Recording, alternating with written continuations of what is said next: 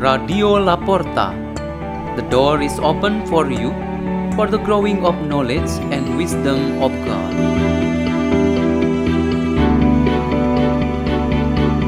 Delivered by Reina from Christus Raja Paris, Diocese of Surabaya, Indonesia.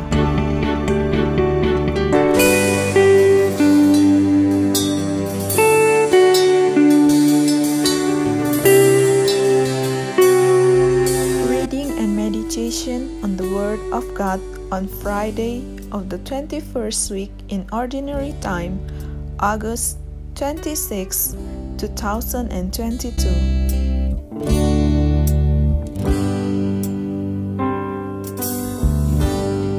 The reading is taken from the Holy Gospel according to Matthew.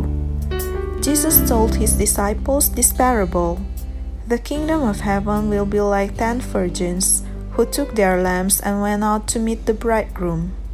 Five of them were foolish and five were wise.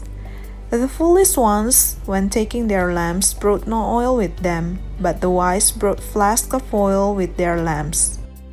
Since the bridegroom was long delayed, they all became drowsy and fell asleep. At midnight, there was a cry Behold, the bridegroom, come out to meet him. Then all those virgins got up and trimmed their lamps. The foolish one said to the wise, Give us some of your oil, for our lamps are going out. But the wise ones replied, No, for there may not be enough for us and you. Go instead to the merchants and buy some for yourselves. While they went off to buy it, the bridegroom came. And those who were ready went into the wedding feast with him. Then the door was locked. Afterwards, the other virgins came and said, Lord, Lord, open the door for us. But he said in reply, Amen, I say to you, I do not know you, therefore stay awake, for you know neither the day nor the hour. The Gospel of the Lord.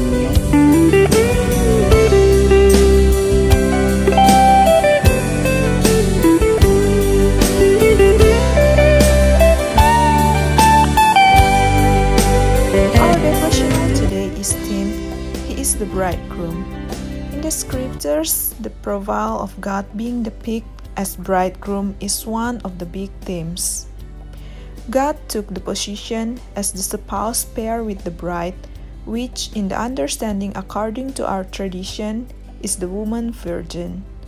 A woman, as we know in general, desperately needs a groom because she cannot marry with an empty room. Likewise, the bridegroom really needs a bride because he cannot marry himself. God makes himself a bridegroom so that the relationship between himself and we humans become a communion. The relationship becomes like husband and wife united through the sacrament. The unity of the sacrament is a grace that unites and binds so that its nature is forever. That is what we understand about the conjugal relationship in Christian marriage. Thus, God wills to marry us who believe in Him. The proof is that He enters into our lives through His own words and sacred body so that we can bear fruit. There was a religious nun who had just professed her perpetual vows, living her daily life in the light of her unity with Jesus as the bridegroom. She said that every morning after she wakes up, she tries to make her day more than just a routine. As she is preparing to go to the chapel, her mind is already focused on the realization that in the chapel she is already welcomed by her bridegroom, namely Jesus Christ. When she is in the chapel for prayers and then for the Holy Mass, she makes herself a bride who enjoys meeting with the bridegroom. She always wants to involve God to be present in her thoughts, peace of heart, aspirations, and desires. She tries so that her awareness and understanding of God should remain in her and will not disappear either because of an unfocused attention or maybe sleepiness. This nun really illustrates how the bride and bridegroom, or rather each of us and God, must always be connected. The bride and bridegroom who do not show a connected relationship complement each other and create communion should not be entitled spouse and bound in unity. They only create human relationship between men and women. God is a bridegroom for us actually has more meaning than a relationship of husband and wife because that relationship is for a perfection that transcends all kinds of relationship on this world. Saints in heaven have given us a real testimony of this kind of relationship. So our hearts and minds should always want to be with the bridegroom, the Lord God, whom we love. Let's pray. In the name of the Father, and of the Son, and of the Holy Spirit.